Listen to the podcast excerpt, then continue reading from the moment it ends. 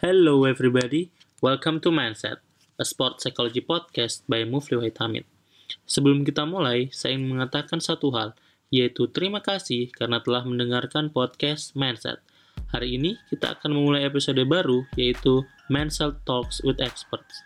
Jadi, saya akan mengundang berbagai macam expert dalam bidang olahraga, psikologi, nutrisi, dan recovery untuk membicarakan mengenai berbagai hal yang menjadikan seorang atlet menjadi luar biasa karena kan pelatih itu harus fleksibel gitu ya menyesuaikan dengan uh, usia atlet seperti apa. Hmm. Orang tua itu banyak juga yang uh, apa menuntut bahwa anaknya itu harus ikut pertandingan, harus hmm. harus juara gitu. Padahal kan uh, pertandingan dan juara itu ada fasenya gitu. Beliau adalah Gilang Ginanjar, salah seorang praktisi psikologi olahraga Indonesia yang juga berprofesi sebagai pelatih renang. Gilang menjelaskan tentang fase-fase atlet yang tidak sepenuhnya dipahami oleh orang tua, sehingga pada banyak kasus orang tua sangat memaksakan anaknya untuk mengikuti dan memenangkan pertandingan, sehingga unsur fun dalam permainan menjadi tidak dirasakan oleh anak. Untuk lebih lengkapnya, mari kita langsung ke obrolan mindset kali ini. Oke, Assalamualaikum warahmatullahi wabarakatuh. Selamat pagi, siang, sore, malam pada teman-teman semua yang udah dengerin. Alhamdulillah kita ketemu lagi. Sekarang kita ada di segmen Mindset Talks with Expert. Jadi uh, oh, mantap. Uh, jadi kita Iya, jadi kita ada beberapa uh, segmen salah satunya adalah Mindset Talk with, with Expert. Nah, sekarang kita udah tersambung sama salah satu expert di bidang coaching juga Nah, dan beliau ini spesifikasinya di renang ya. Jadi saya akan sedikit perkenalkan dulu dan kenapa saya akhirnya bisa bertemu dengan beliau.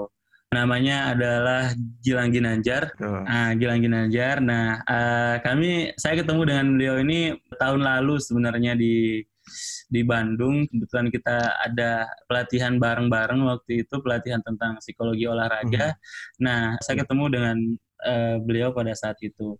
Nah, pertemuan pertama pada saat itu kemudian kita sering sebenarnya untuk diskusi-diskusi setelah pelatihan tersebut dan akhirnya saya ajak beliau untuk gabung dan bersedia. Nah, itu dia tuh kelebihannya Gilang Ginanjar ini selain ganteng dia juga baik hati.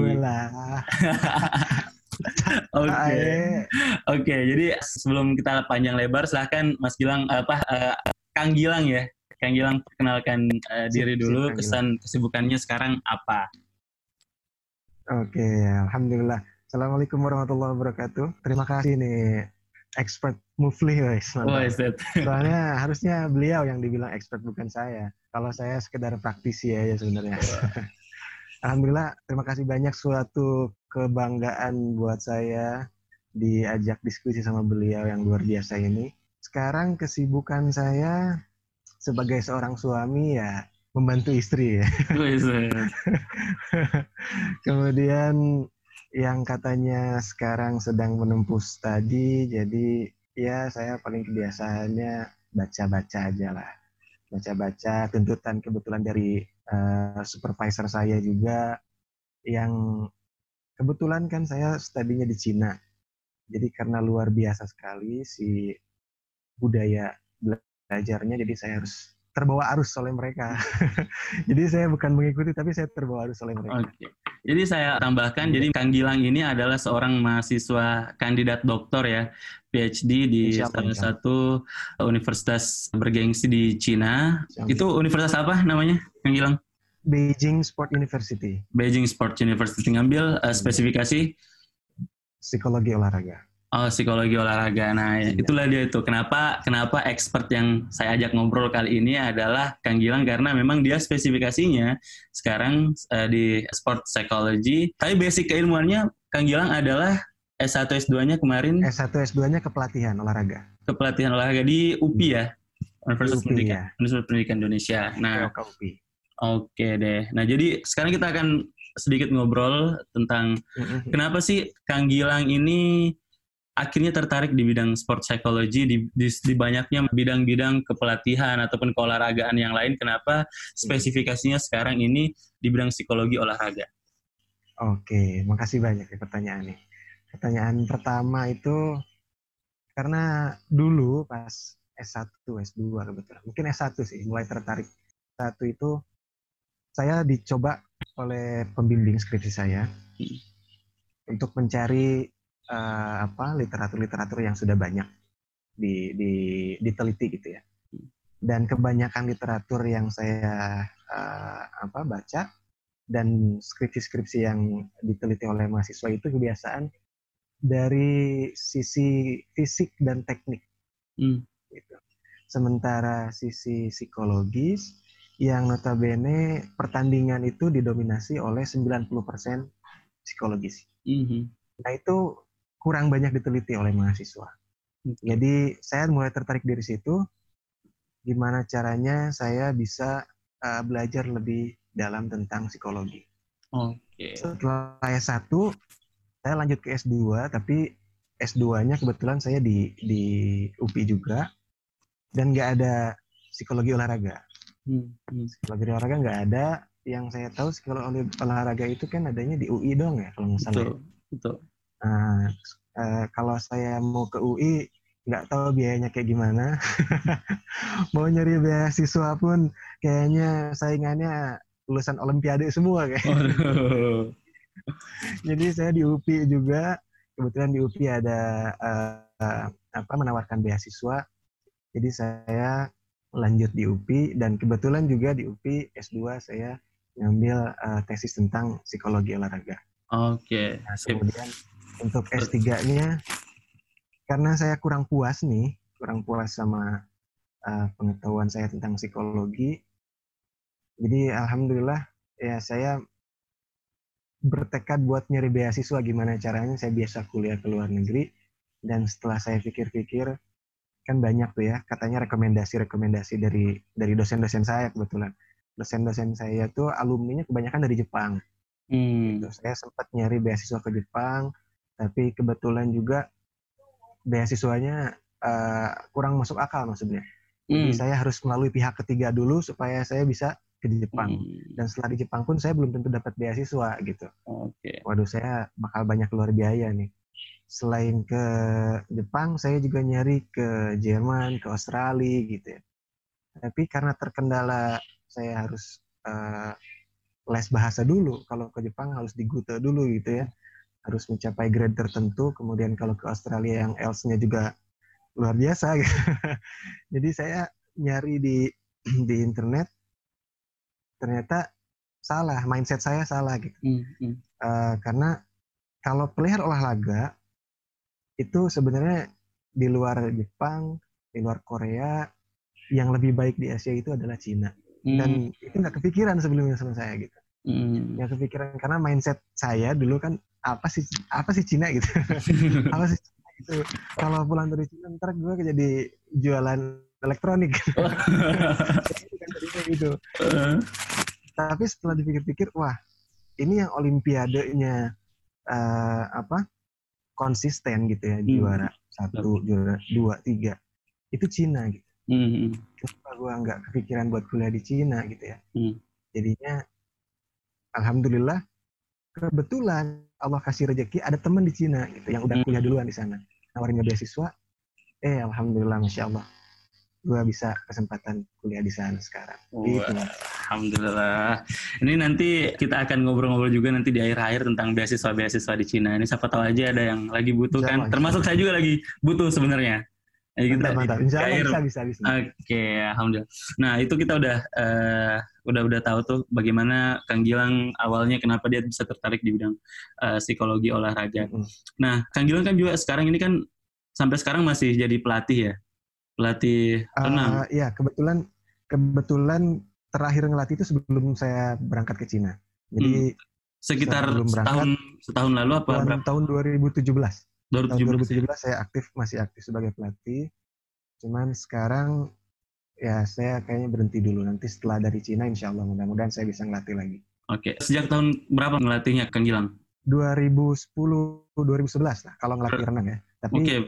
uh, kebetulan sebelumnya sebetulnya saya bukan atlet renang. Hmm, gitu. hmm, hmm. tapi hmm. saya ada ada apa istilahnya keturunan dari keluarga itu pelatih sama atlet renang semua gitu. Oh. Jadi saya juga sempat latihan renang dulu.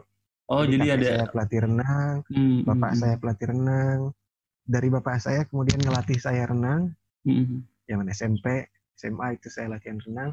Tapi pas SMP SMA itu saya atletnya atlet basket. Oh alah. Latihan renang juga. Menghai, ini mengkhianati silsilah keluarga. Nah gitu. nah itu karena passion passion keluarga saya olahraga. Uh-huh. Jadi ya gini, saya juga bawa, bawa arus juga sama keluarga saya gitu. Oke oke oke oke. Jadi oke. Okay. Kemudian, nah hmm. pernah pernah merasa bahwa Kang Gilang ini apa ya ada ada uh, ketika menjadi atlet itu pernah merasa bahwa oh saya kurang kurang di masalah mental nih enggak sih pernah nggak sih terbersit di pikiran bahwa hmm. kayaknya mental saya kurang nggak nih atau mungkin pada saat melatih kayak atlet saya ini kayaknya mentalnya nggak terlalu bagus nih pernah kepikiran kayak gitu nggak sih Kang Gilang pernah pernah kalau saya sendiri sih dulu pas jadi atlet ya saya paling nggak bisa kalau ditonton sama orang tua saya sendiri Oke, oke, oke. Ada, ada, iya, iya. Saya takut uh, takut ngecewain mereka gitu. Jadi saya kalau mau pertandingan selalu menekankan ke mereka, pokoknya nggak boleh nonton. Pokoknya nggak hmm. boleh nonton. Sekali pernah uh, dulu lagi pertandingan pop wheel, hmm. itu ketahuan orang tua saya nonton, hmm. gitu. ketahuan orang tua saya nonton, tapi mereka sembunyi-sembunyi. Tapi saya lihat gitu. Allahnya saya di, dikasih tahu sama Allah tuh orang tua mau nonton tuh gitu. Waduh itu langsung saya nggak karuan tuh. Kalah ah. akhirnya bener. Oke, okay. padahal sebelum sebelum sebelum kalau nggak dinonton menang. Iya, kalau kalau nggak ditonton, waduh, udah aja lepas gitu, permainan lepas. Oke. Okay. Pas ditonton jadinya kayak kayak kaku, kayak dikontrol gitu, kayak dinilai uh. gitu sama, uh. sama orang tua masalahnya gitu loh. Okay. Kalau sama penonton sih nggak apa-apa. Jadi pikiran pas saat itu kalau penonton lain sih nggak apa-apa gitu ya nggak kenal kalau sama orang tua jadinya di, dinilai takut nanti dibawa ke rumah penilaiannya gitu oh ya ya ya ya ya ya nah gitu nah nah dengan atlet uh. dengan atlet pas saya ngelatih renang sama juga jadi mereka terkendala dengan motivasi gitu ya yang yang utamanya gitu ya mm-hmm. terkendala motivasi kemudian uh, anxiety mereka juga mm-hmm. gitu nah itu mm-hmm. yang biasanya ditemuin sama atlet dua sih kebetulan. Oke. Okay. Itu bang. Nah, menarik nih yang yang waktu uh, Kang Gilang ngelarang sampai ngelarang orang tua untuk nontonnya. Mm. Itu sampai umur uh, berapa tuh mengelarang? Apakah sampai benar-benar uh, sampai akhir menjadi atlet ataukah ada ada fase mm. di mana Kang Gilang berhenti? Oh nggak apa-apa, orang tua uh, silahkan datang. Pernah nggak? Itu sampai sampai gue uh, pensiun jadi atlet bang. Oh, Oke. Okay. iya, pensiun jadi atlet. Jadi pas pensiun jadi atlet itu kuliah, kuliah pensiun hmm. jadi atlet itu sampai uh, semester 2 itu gue ngelarang mereka buat uh, nonton gue. Mm-hmm. Nah hmm, setelah hmm. itu karena gue udah gantung sepatu, uh. jadi pelatih fokus gitu. Nah udah di situ nggak apa-apa karena gue kan nggak bertanding lagi.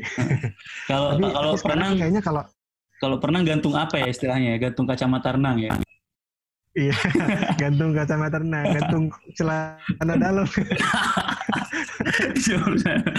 Karena renang kan pakai celana dalam doang. Gitu ya. Oke oke oke. Terus terus selama selama uh, ini ada tadi yang mau dilanjutin. kalau sekarang nah, kalau, seperti apa?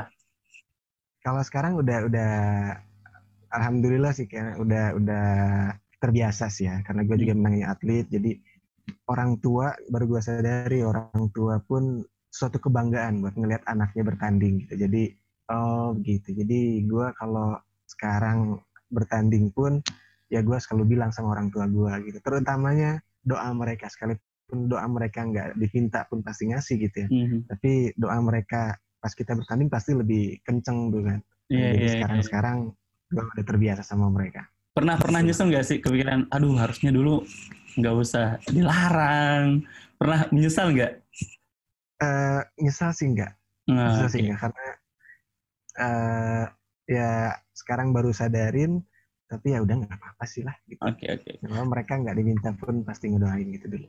Berarti gitu. sekarang kalau orang tua atlet-atlet yang uh, Kang Gilang tanganin ini apakah di disarankan untuk ditonton kah atau seperti apa? Mm -hmm. Ya pasti gue saranin buat dampingin mereka. Mm. Karena gue pikir uh, nggak selamanya atlet itu bisa uh, apa istilahnya berdiskusi sama pelatihnya. Oke, okay, oke. Okay, Jadi betul. kalau ada apa-apa, gue saranin orang tuanya buat ngedampingin mereka, menyiapkan segala macamnya gitu ya, berdiskusi sama atletnya, uh, gimana perasaannya pada saat mau pertandingan, Jadi gue saranin mereka buat dampingin atlet-atlet gue gitu lah. Tapi di briefing nggak orang tuanya? Pokoknya jangan sampai kalian seperti menilai dan jangan sampai hasilnya ini dibawa pulang ke rumah. Di di, di briefing kayak gitu nggak? Gue gue gue uh, tekanin mindset itu sama orang tua mereka bang. Okay. Jadi bahkan pada saat latihan pun, pada saat latihan pun kebanyakan kan kalau orang tua yang uh, nggak teredukasi gitu ya. Hmm. Jadi seolah-olah orang tua itu lebih dari pelatih. Betul. Jadi mereka malah menilai pelatih. Kerja pelatih itu harusnya gini harusnya gini gitu hmm. oh ada ada yang kayak gitu ya banyak bang hmm. jadi hmm. yang orang tuanya kesal sama pelatih gitu ya banyak itu hmm. uh, karena kan pelatih itu harus fleksibel gitu ya menyesuaikan dengan uh, usia atlet seperti apa hmm. orang tua itu banyak juga yang uh, apa menuntut bahwa anaknya itu harus ikut pertandingan harus hmm. harus juara gitu padahal kan uh, pertandingan dan juara itu ada fasenya gitu Hmm. Golden age-nya itu atlet, train to win itu usia uh, eh, 18 tahun ke atas. Okay. Itu train to win. Kalau sebelumnya train to compete yang usia uh, eh, 14 sampai 16 itu mereka cuma ikut kompetisi aja, main kemudian bertanding uh, apa menang atau kalah ya nggak apa-apa fasenya memang seperti itu. Hmm. Apalagi yang di bawah. Oke okay, oke. Okay, yang gue okay. latih kebetulan dulu uh, dalam fase train to train itu usia 8 eh apa 12 sampai 14 sampai 16 itu mereka latihan aja. Hmm mereka hmm, harus train the engine gitu ya istilahnya hmm. kalau teorinya Bagi itu mereka pokoknya gimana caranya harus mempersiapkan fisik hmm. mereka. Oke, okay, nah, oke. Okay. Gitu, orang tua banyak yang nuntut pelatih gitu. Jadi oh. seolah-olah pelatih yang Nah, nah ini di, di, di daerah gua sih ya. Hmm, hmm, hmm. Nah ini ini ini poin yang penting tuh di situ tuh. Jadi bagaimana uh, seharusnya juga orang tua paham atau uh, mungkin nah, mungkin kesalahan kita juga ya sebagai seorang praktisi olahraga yang tidak apa ya, yang tidak memberikan informasi terkait dengan hal ya, ini. Betul. Padahal sebenarnya kan ada betul tuh ada ada ada fase-fase di mana atlet hmm. pada usia seperti ini 12 ke sampai 14 14 ya. tahun ke bawah itu mereka memang hanya kita arahkan untuk latihan latihan-latihan di bawah 18 tahun itu mereka untuk bertanding saja terus mereka mereka mempersiapkan uh, begini loh feeling bertanding experience-nya. Nah, itu nah, itu yang kita bangun sebenarnya uh, experience experience-nya itu. Nah, nantilah setelah 18 tahun ke atas nah baru nih yang betul-betul kompetitif uh, yang barulah kita bisa mengharapkan hasil sebenarnya di situ ya. Benar, benar, benar banget. Hmm, Kayak gitu, nah. gitu, Bang. Oke. Okay. Tapi nah. kebanyakan pun hmm. uh, gue lanjut dulu bang ya. Iya, iya silakan. Nah, si orang tua itu pada uh, usia anaknya di bawah umur di bawah 10 tahun yang harusnya mereka banyak bermain gitu ya. Mm, -hmm. Mereka dituntut buat uh, melakukan banyak cabang olahraga gitu ya, mm. memperluas ruang geraknya. Mm. Orang tua malah sudah menuntut anak buat fokus dalam satu cabang olahraga. Mm. Nah, itu itu sering nah, sering. itu juga yang salah mm. uh, oleh orang tua gitu.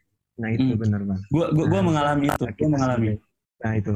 Itu uh. karena banyak orang tua yang supaya anaknya semakin dini dilatih katanya gitu ya. Semakin fokus dia untuk ke depannya padahal salah harusnya dia okay. anak itu memperluas dulu uh, ruang gerak dia. Okay. jadi dulu waktu gue usia SD waktu itu kan kan gue udah dari kecil main tenis ya langnya dan kebetulan yang latih itu adalah orang tua ayah ayah gue yang latih uh, dulu dulu tenis meja kemudian kita pindah ke tenis lapangan. Nah gue tuh ngerasa hmm. pada saat itu memang orang tua sangat-sangat membatasi gue untuk melakukan olahraga lain selain tenis lapangan. Hmm. Bahkan gue yang gue yang notabene uh, orang tua gue dua orang tua gue itu awalnya adalah pemain basket. Nah jadi gue tuh kalau mereka dia main basket sering tuh waktu masih sangat-sangat kecil ikut waktu jadi wasit ikut. Nah pada saat itu gue juga udah mulai suka tuh dengan basket. Tapi karena dia sudah sangat-sangat mengarahkan gue untuk main tenis, akhirnya seluruh olahraga lain dilarang. Hmm. Nah, nah bahkan sampai kejadian karena gue terus dilarang seperti itu, gue kan tipikalnya mungkin agak-agak rebel sedikit ya. Jadi mm-hmm. kalau dia kita kan latihan setelah asar tuh. Jadi gue habis mm-hmm. habis dari habis sholat di masjid, gue nggak langsung pulang ke rumah. Gue ngumpet dulu, oh, okay. ngumpet habis habis habis orang uh, ayah gue berangkat ke lapangan. Nah gue baru tuh pulang ke rumah untuk ngambil sepatu bola gue bah ke main bola, main basket misalnya. Pulang baru dapat iya. hukuman gitu. Uh, itu, ya. Iya, karena ya dulu waktu waktu masih ini. Mbak nanti nanti kemudian setelah gue kuliah baru gue menyadari ber berarti oh betapa memang tenis ini olahraga olahraga yang baik gini-gini tapi kan apa ya mm-hmm. poin gue adalah orang tua memang harusnya punya uh, apa ya punya kesadaran bahwa anak-anak di usia segitu itu kita bebaskan aja dulu untuk mengeksplor mengeksplor nah, karena dia. belum belum belum belum fasenya juga kan ya iya benar. Nah untungnya benar. setelah setelah sering berjalannya waktu orang tua gue paham akhirnya. Jadi adik-adik gue yang sekarang dilatih itu justru malah kamu harus latihan ini latihan futsal. Misalnya karena mungkin kakinya agak nggak terlalu lincah makanya kamu latihan futsal gitu. Uh, oke. Okay. ya, jadi lu buat bahan eksperimen kayaknya bang. Iya. Anak pertama kan soalnya kayak gitu tuh. Iya, yang latih pertama gue jadi ya sedikit banyak agak dieksperimen hmm. kan. Nah terus lang bener, um, lalu lu sudah menjadi pelatih renang selama eh, tujuh tahun lebih dan sekarang sudah menuntut uh, pendidikan yang lebih tinggi lagi. Nah, uh, kenapa sih lu merasa bahwa psikologi itu menjadi suatu hal yang penting untuk atlet? Hmm. Oke, okay. itu dia tadi uh, seperti yang di pertanyaan pertama ya. Hmm. Karena setelah gua sadari bahwa 90% dalam kompetisi itu yang menentukan adalah psikologis. Jadi menurut gue sangat penting bahwa seorang atlet itu memiliki uh, mental yang baik, mental yang optimal gitu ya. Uh, cuman di Indonesia ini, bukan di Indonesia saya mungkin khususnya di daerah gue ya di Bandung gitu. Nah, uh, apa kesadaran klub olahraga, kesadaran daerah untuk me, apa, menjadikan seorang pelatih mental berperan dalam klub itu kurang. Gitu. Hmm, hmm. Bahkan gua tanya aja di sini kebetulan nah ini gua ini kan aktifnya di renang sebagai pelatih, tapi gua jadi pengurusnya di senam, Bang. gua pengurus di senam gitu. Jadi nah itu gua selalu uh, diskusi sama atlet juga bahwa sekarang pun untuk persiapan PON nih ya, persiapan PON 2020 ini yang rencananya kemudian dibatalkan, itu nggak ada peran uh, apa pelatih mental ataupun psikolog olahraga gitu ya yang bisa berdiskusi sama mereka gitu.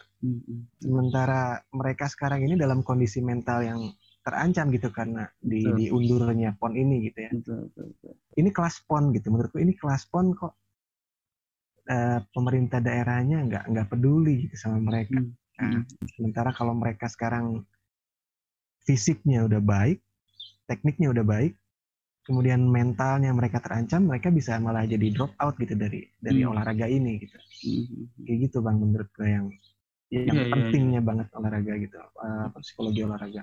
Oke, okay. make sense sih karena memang kalau kita lihat-lihat sekarang ya, memang sih uh, awareness bangsa kita terhadap psikologi olahraga itu khususnya masih sangat-sangat iya. rendah ya. Uh, itu, itu indikator yang gue bisa lihat adalah belum ada satupun kampus sekarang ini yang menyediakan uh, prodi tersebut. Soalnya iya, UI iya. sejak beberapa tahun lalu sudah sudah sudah menutup. Nah, itu itu bisa menjadi satu acuan bahwa uh, memang sekarang ini psikologi olahraga sangat-sangat uh, ini ya, belum mendapatkan tempat yang seharusnya ya, iya, belum, belum mendapatkan tempat yang seharusnya di bahkan ketika kita bandingkan dengan negara-negara lain, utamanya Cina, mungkin wah mereka hmm. mereka sudah sangat-sangat ini ya, lu bisa cerita nggak sih bagaimana orang-orang di Cina itu memberikan value terhadap uh, psikologi olahraga ini? Iya, gue sebagai uh, siswa di sana dan kebetulan alhamdulillah uh, Allah nunjukin gue uh, supervisor itu seorang presiden asosiasi psikologi ASEAN itu alhamdulillah. Wah, Jadi uh, itu makanya yang bikin gue jadi harus terbawa arus gitu, keseret hmm. sama mereka gitu. Ya, Budaya ya, belajarnya mereka yang uh, gue cerita sedikit ya. Hmm, silakan. Di sana itu jam 5 pagi mereka udah antri depan library, Bang. Oke. Okay. Jam 5 pagi, Bang. Mereka uh, jam 5 pagi itu ke sana buat berebut kursi. Wah, gila. Jadi, jadi jam 5 pagi udah ngantri gitu ya. Itu musim dingin, Bang. Musim oh, dingin yang gue lagi menggigil gitu ya, lagi selimutan, mereka udah antri depan library dan mereka itu sampai jam 10 malam nih di library buat belajar gitu. Oh gila. Nah, kemudian supervisor gua pun jadi menuntut gua seperti itu hmm. dan gua di, diwajibkan buat ikut uh, reading club gitu. Hmm. Reading club. Jadi selama satu minggu sekali, kemudian presentasi gitu ya. Hmm. Presentasi apa aja yang dibaca. Nah, dari situ pun gue jadi tahu gitu gimana kehidupan psikologi olahraga di sana. Mm-hmm. Betapa pentingnya psikologi olahraga sampai klub-klub kecil pun si supervisor gue nunjukin coba kamu ke ke yang lain ya bukan yang ke, ke bukan ke gue ke lain ke teman-teman gue coba kamu ikut dampingi atlet hmm. yang usia dini kemudian yang uh, per fase itu ya usia usianya gitu jadi gue pikir betapa pentingnya psikologi olahraga dan betapa negara menganggap psikologi psikologi olahraga itu penting. Iya. Iya. Setiap kejuaraan pasti si uh, apa supervisor gue pasti berangkat gitu. Mau kejuaraan tingkat apa pun psikologi olahraga si supervisor gue pasti dipanggil buat ikut dampingin atlet gitu. Hmm. Itu yang gue pikir wah ini kalau di Indonesia dibandingin sama di sini wah udah nggak akan kejar kata gue. Jauh, jauh. Makanya, makanya bang ini gue harus bilang sama lu bang. Mm. Uh, pengen banget gue nanti mudah-mudahan gitu ya Allah kasih kesempatan buat gue.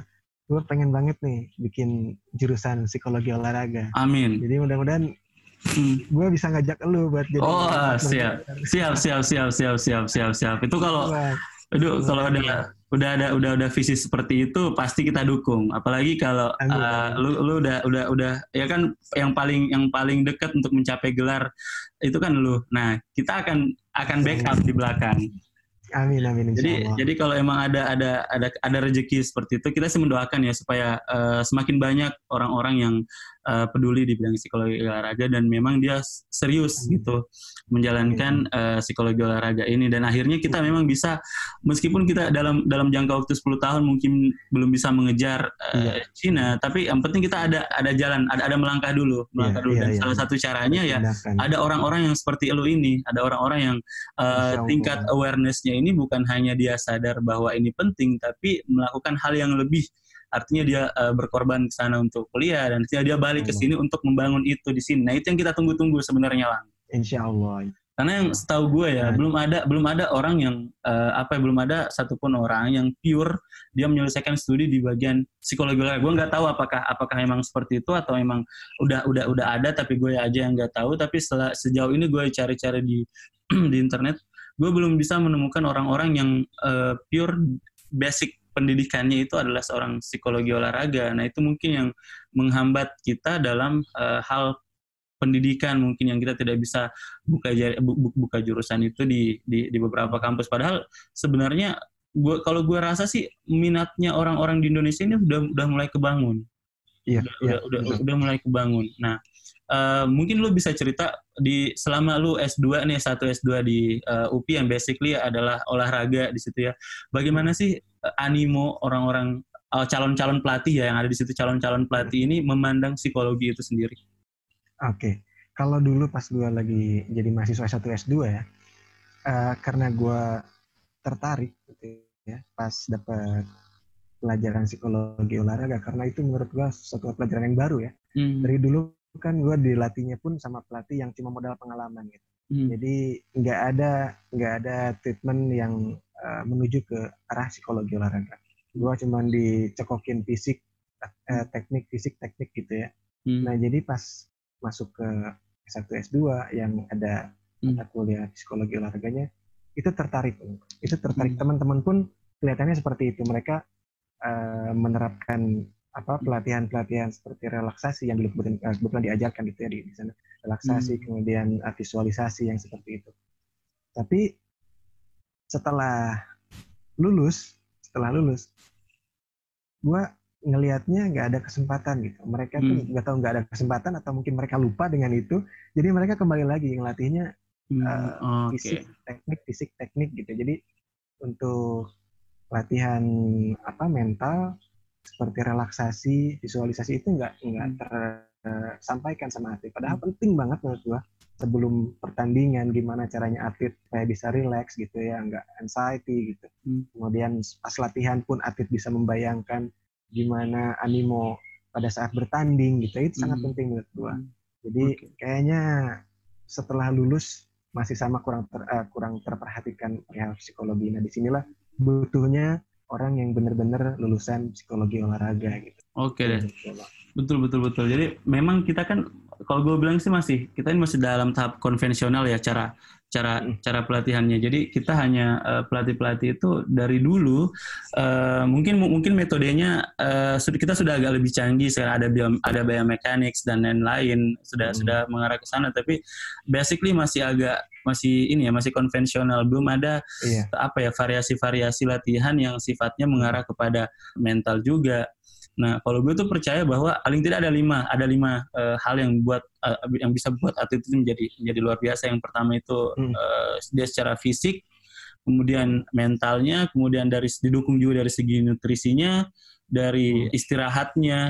Nah, jadi ya. ini sebenarnya itu harusnya adalah gabungan gitu ya. Kita tidak boleh kita tidak boleh hanya berfokus kepada latihan fisik dan teknik saja dan kemudian kita menghilangkan faktor-faktor yang lain. Nah, oke okay. kembali kembali ke apa kehidupan lu sebagai mahasiswa PhD di Beijing Sport University di Cina. Nah, uh, lu tadi udah cerita bahwa mereka animonya luar biasa untuk belajar dari jam 5 subuh padahal itu musim dingin mereka udah ngantri di uh, di apa namanya di uh, di perpustakaan untuk untuk ngambil seat ya, untuk ngambil seatnya.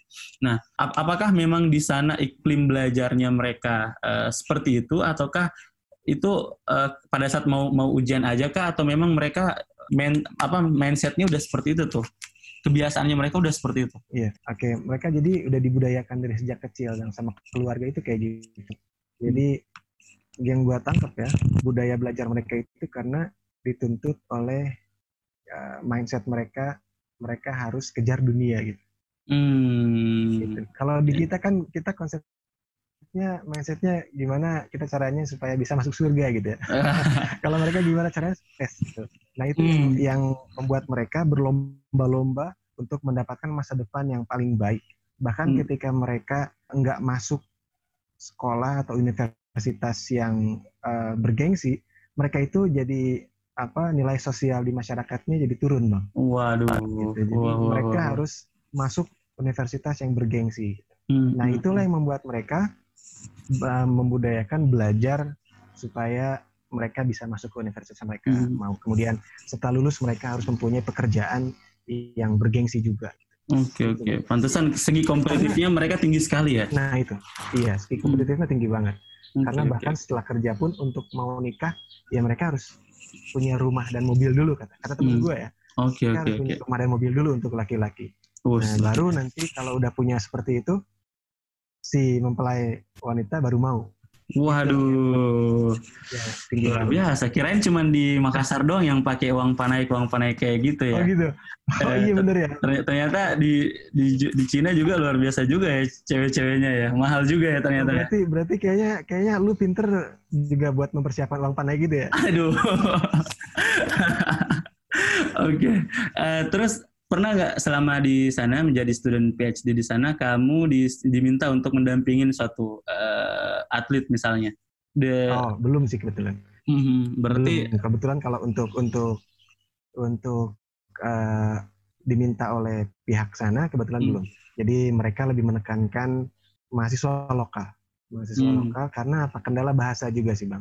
Oke. Okay. Kebetulan nggak banyak orang Cina yang bisa bahasa Inggris dan orang yang luar Inggris pun nggak benar-benar fasih dalam berbahasa Bahasa Cina gitu termasuk gua hmm. walaupun gua sekarang udah HSK 4 mau ke 5 gitu ya nah ini bahasa mereka itu masih sedikit sulit kadang-kadang ya karena hmm. banyak banget gitu ya bahasa mereka arti mereka itu dalam okay. berbahasa banyak banget dan itu pun masih sulit sama gua untuk dimengerti oh, itu mungkin okay. kendalanya itu tapi untuk eh, pertandingan-pertandingan yang dilaksanakan untuk mahasiswa asing kebetulan gue gua pernah juga untuk mendampingi mereka gitu karena hmm. di sana hmm.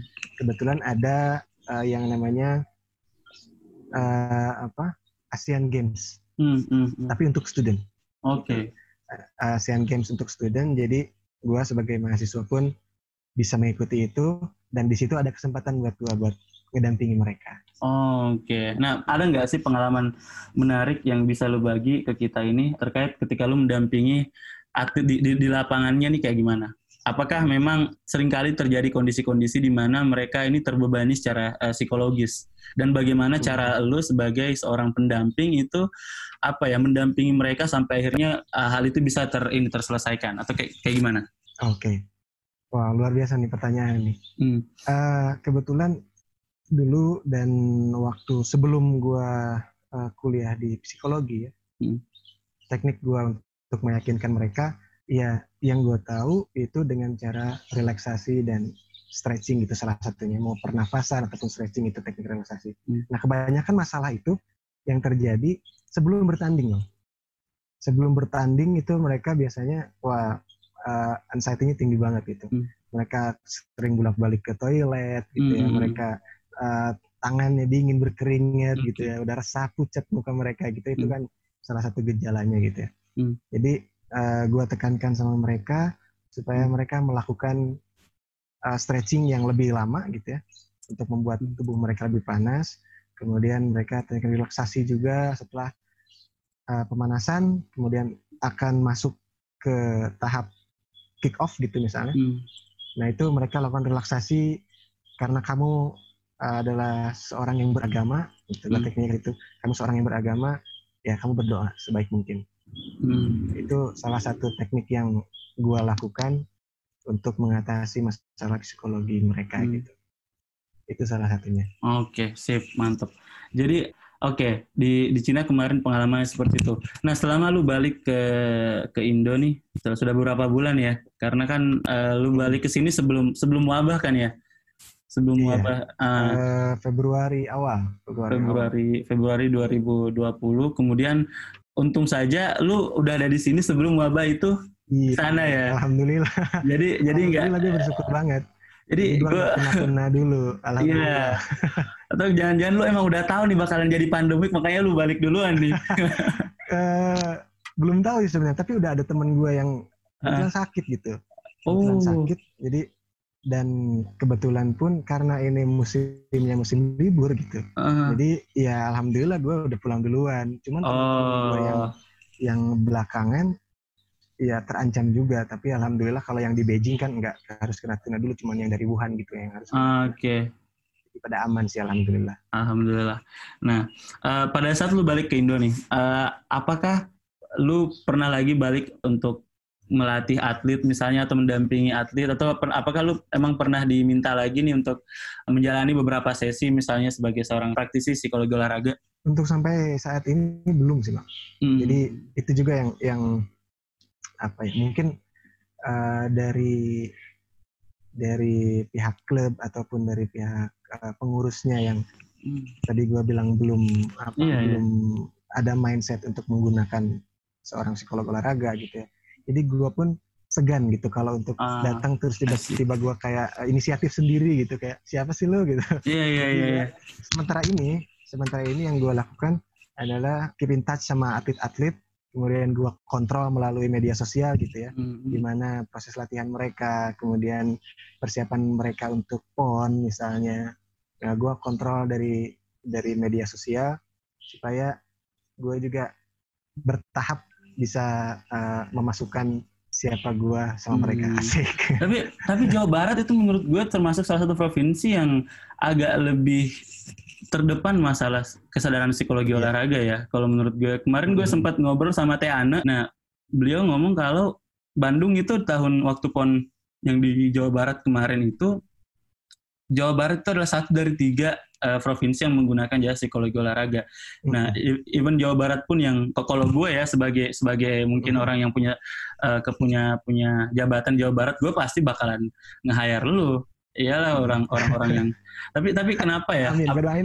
Iya iya iya. Tapi apakah mungkin mereka belum tahu kalau sekarang ini udah ada beberapa sebenarnya orang-orang yang terjun di bidang itu atau kayak gimana ya? Apakah atau memang Jawa Barat sekarang sudah agak kendor lagi masalah psikologi olahraganya? Nah, jadi kalau menurut gue sih bang, kalau menurut gue ini masih ada uh, apa istilah pilih kasih.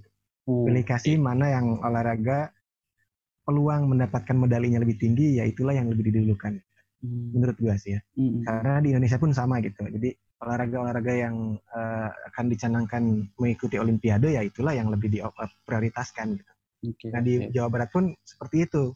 Gitu. Menurut gue ya. Hmm. Uh, ada beberapa memang yang kayak di cabang olahraga uh, apa batu roda gitu yang hmm. cabang olahraga yang memang prioritas medalinya lebih diutamakan. Hmm. Nah itu sudah ada memang si, hmm. si uh, psikologi olahraganya gitu ya, pelatih mentalnya. Tapi untuk cabang olahraga yang lain yang mungkin dikesampingkan ataupun peluang medalinya lebih kecil, itu nggak dilihat bagaimana mental mereka dan nggak dipupuk untuk mempunyai mental yang bagus dengan cara mendampingi mereka oleh didampingi oleh apa psikolog olahraga gitu. Hmm. Nah ini yang menurut gua harusnya justru yang kurang-kurang seperti ini kita munculkan supaya mereka pun bisa mendapatkan peluang hmm, okay. medali yang lebih besar gitu. Nah itu oh. yang yang gua sayangkan sih untuk saat ini.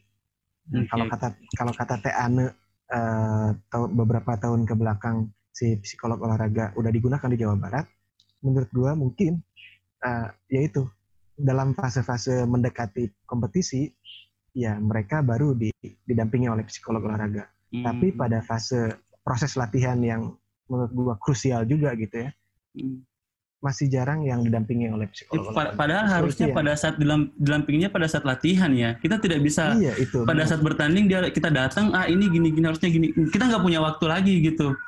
Nah, itu dia. Uh, uh, karena yang penting itu menurut menurut gue yang penting itu chemistry bang yeah, yeah, yeah. antara si atlet dengan si psikolog olahraga atau pelatih mental itu gimana caranya atlet itu bisa uh, berdiskusi sama pelatih mental kalau pelatih mental itu nggak mempunyai jalinan yang baik sama atlet oh, itu okay. atlet pun pasti canggung gitu untuk mm berdiskusi sama mereka mm -hmm. nah itu yang menurut gue yeah, yeah, harus yeah, diperbaiki. Oke, okay. uh, menurut lo apa sih yang harus kita punya supaya kita bisa menjadi seorang pelatih mental atau psikolog olahraga yang baik untuk atlet-atlet kita ini?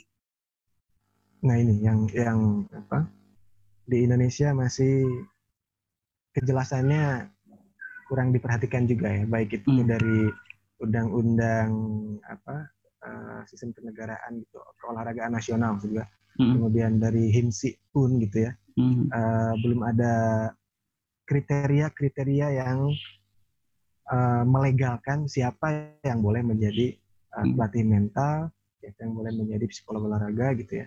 Hmm. Nah ini yang perlu diperbaiki juga menurut gua. Hmm.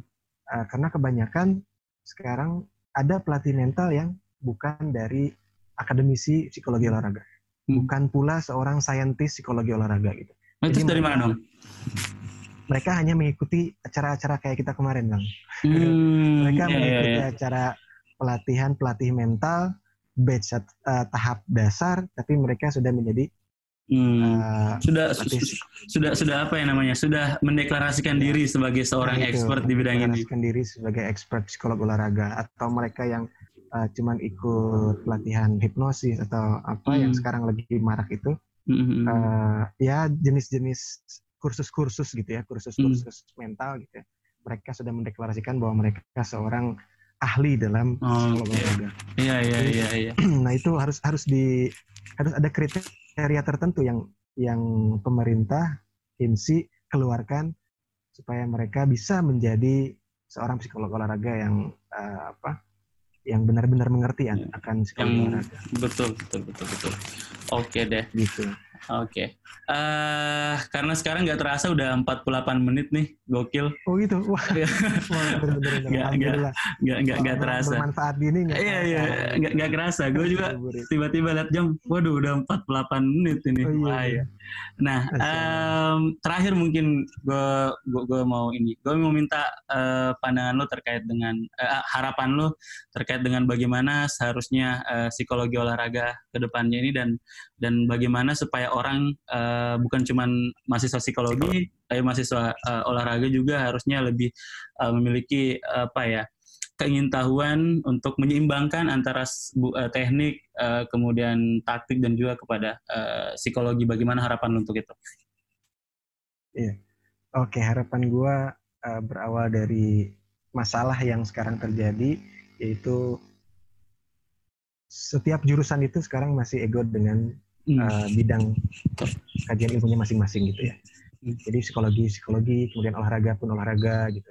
Nah, yang gue harapkan itu ke depannya kita bisa menjalin uh, koordinasi gitu dengan jurusan yang lain karena itu yang sudah dilakukan oleh universitas-universitas di Cina gitu khususnya hmm. program studi gue itu okay. mereka menjalin uh, hubungan dengan jurusan biomekanik kemudian kinesiologi yang lain sebagainya dan itu bisa uh, kita satu padukan. Oke. Okay. Salah satunya psikologi dan olahraga di Indonesia gitu. Okay. Kita uh, harusnya ada mahasiswa ataupun dosen yang menjalin hubungan antar program studi dan yang ke depannya nanti bisa menjadikan mereka mempunyai peluang yang banyak baik itu di di bidang uh, penelitian gitu ya, bidang hmm. pekerjaan gitu ya. Dan itu bisa memunculkan uh, apa? Si psikologi olahraga di Indonesia itu sendiri. Oh. Sip, nah, sip, dan sip, itu pun sip. tidak luput dari peran KONI hmm. Hmm. yang sekarang mempunyai peran penting untuk membuat kebijakan dalam bidang olahraga gitu ya. Harusnya juga membuat satu kebijakan ataupun satu uh, announcement kepada orang tua, kepada hmm. pelatih, kepada atlet bahwa hmm. psikologi olahraga itu penting. Oke, okay, sip. Mudah-mudahan nanti mudah-mudahan nanti minta doanya kalaupun enggak gua ya gua doain lu mudah-mudahan jadi orang yang bisa membuat itu semua terwujud. Amin, amin, amin, ya amin.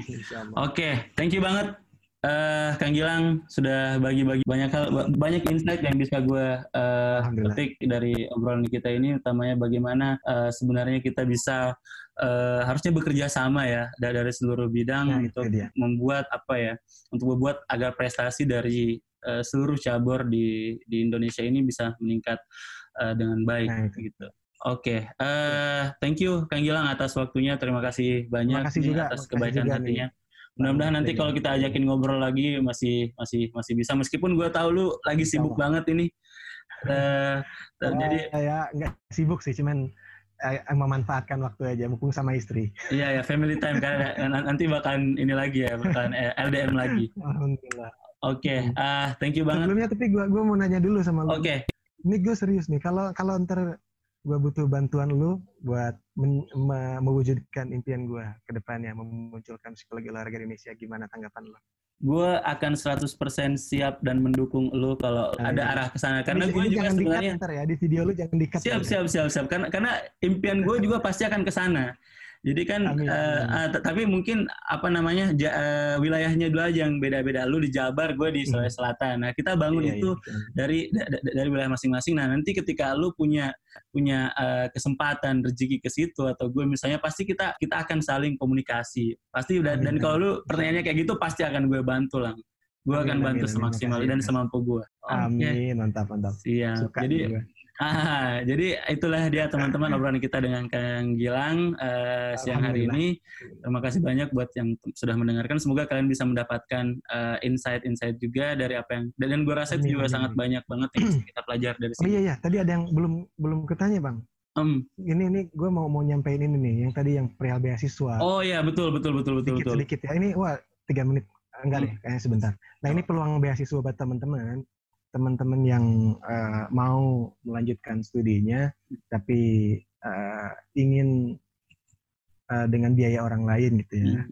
uh, mereka bisa mencoba cari beasiswa di uh, Cina gitu. Hmm. Karena menurut gua beasiswa di Cina itu peluangnya sangat besar, bang. Banyak beasiswa yang di, di uh, apa ditawarkan oleh pemerintah Cina yang sekarang pun pemerintah Cina kan sedang gencar-gencarnya dengan One Belt One Road itu. Jadi itu peluang yang sangat besar. Ada One Belt One Road, kemudian ada beasiswa pemerintahan Cina, ada pun beasiswa dari sekolah masing-masing. Hmm. Jadi itu peluang yang sangat besar. Dan kriterianya eh, menurut gua nggak terlalu se apa ketat dari negara lain gitu. Ya, ya, ya. Kriterianya yang yang dulu buat buat sekolah gua sendiri ya, hmm. itu kriterianya cuman dari akademis saja penilaian oh, akademis okay, gitu dari okay, okay. Uh, sertifikat-sertifikat kemudian dari ijazah gitu ya dari IPK seperti itu hmm. karena menurut gua tujuan mereka me, me, apa, menawarkan beasiswa adalah juga untuk memperluas bisnis mereka lahan bisnis dari uh, berbagai macam hal salah satunya yang one bed one road ini kan juga untuk bisnis gitu ya mm -hmm. jadi nanti walaupun mereka nggak bisa bahasa Cina mm mereka tetap mempunyai kemungkinan untuk diterima. Oh, oh gitu ya? Iya, hmm. karena gue pun kayak gitu dulu. Gue nggak bisa bahasa Cina nol gue dulu. Oke, okay. gue kirain lu tuh udah expert di Cina makanya lu milihnya di sana. Iya itu, gue gue nggak bisa bahasa Cina sama sekali bang. Okay. Tapi di beasiswa yang ditawarkan itu juga satu tahun studi bahasa Cina. Oh. Jadi pas gua ke sana oke. itu gua gua kuliah bahasa Cina dulu setahun di sana. Oke, oke, oke, oke, oke, oke. gua ditokokin bahasa Cina dan yang gua pikir nah di sinilah eh, kualifikasi orang yang keterima atau enggak itu dari bahasa itu. Tapi Ah, walaupun sih. mereka nggak diterima, Cina tetap untung karena sudah menyebarluaskan bahasa Cina. Jadi kalau Iya, Cina iya, iya. butuh, butuh orang untuk berbisnis di negara tersebut, mereka sudah tinggal ngambil orang-orang yang dulu kuliah di Cina. Luar biasa emang Cina ya. Biasanya. Luar biasa, Nah, itu. luar biasa. Oke, oke, oke, gua oke. pikir buat teman-teman yang mau kuliah eh, boleh menjadikan Cina sebagai salah satu pilihan. Wis, gila. Iya. Eh, lu beasiswa apa kalau boleh tahu? Eh, beasiswa pemerintah Cina. Beasiswa pemerintah. Jadi jadi kita bisa googling nih di Google itu beasiswa pemerintah Cina itu muncul lah ya. Iya, iya muncul Ah, lah di sana udah muncul. Sip. Sekarang Sip, banyak pun eh, ada juga di Instagram boleh di- Hmm. dicari eh, PPI Tiongkok atau Tiongkok. juga eh, apa, KBRI Beijing. Oke, siap, siap, KBRI siap. Beijing di sana juga suka ada berita-berita tentang eh, beasiswa. Oke, oke, oke, oke. Siap. Jadi Oke. cari teman kalau ada teman-teman yang mau ke sana. Oke, siap. Nanti nanti gue insya Allah juga nih akan Amin, amin. berpikir ke sana. Mudah-mudahan mudah-mudahan ada amin. ada rezekinya. Oke, Amin, Lang. Eh, thank you. Terima kasih banyak sudah memberikan banyak hal bagi kita. Semoga ini jadi amal jariah buat lu Amin, amin, buat lu sekeluarga ya. Mudah-mudahan banyak Amin, yang eh, bisa mendapatkan eh, banyak hal yang bisa kita petik dari cerita-cerita lu ini. Oke, sekali lagi terima kasih banyak. Selamat berpuasa dan semoga eh, puasanya selalu lancar-lancar semua. Assalamualaikum warahmatullahi wabarakatuh, Kang Gilang. Waalaikumsalam warahmatullahi wabarakatuh. Makasih Oke. juga. Siap. Itulah tadi obrolan saya dengan Gilang Ginanjar, seorang praktisi psikologi olahraga yang sekarang sedang menempuh pendidikan S3 di Beijing Sports University, Cina. Ada satu hal penting yang saya catat dari obrolan saya dengan Gilang, yaitu Cina menempati posisi tertinggi dalam olahraga dunia bukan tanpa sebab. Mereka sejak dulu telah mengembangkan dan mengkolaborasikan seluruh elemen-elemen pendukung keberhasilan atlet seperti psikologi olahraga dan juga kemampuan teknik lainnya. Hal ini juga sangat penting untuk dilakukan Indonesia supaya kita bisa mengejar perkembangan dan ketertinggalan dari negara-negara yang merajai ajang olahraga dunia. Baik, terima kasih kepada seluruh teman-teman yang sudah mendengarkan podcast Mindset Talks with Expert episode 1. Saya akan kembali berbincang dengan berbagai expert lain ke depannya. Oke teman-teman, saatnya saya pamit. Saya Mufli, salam gelorakan psikologi olahraga di Indonesia. Bye.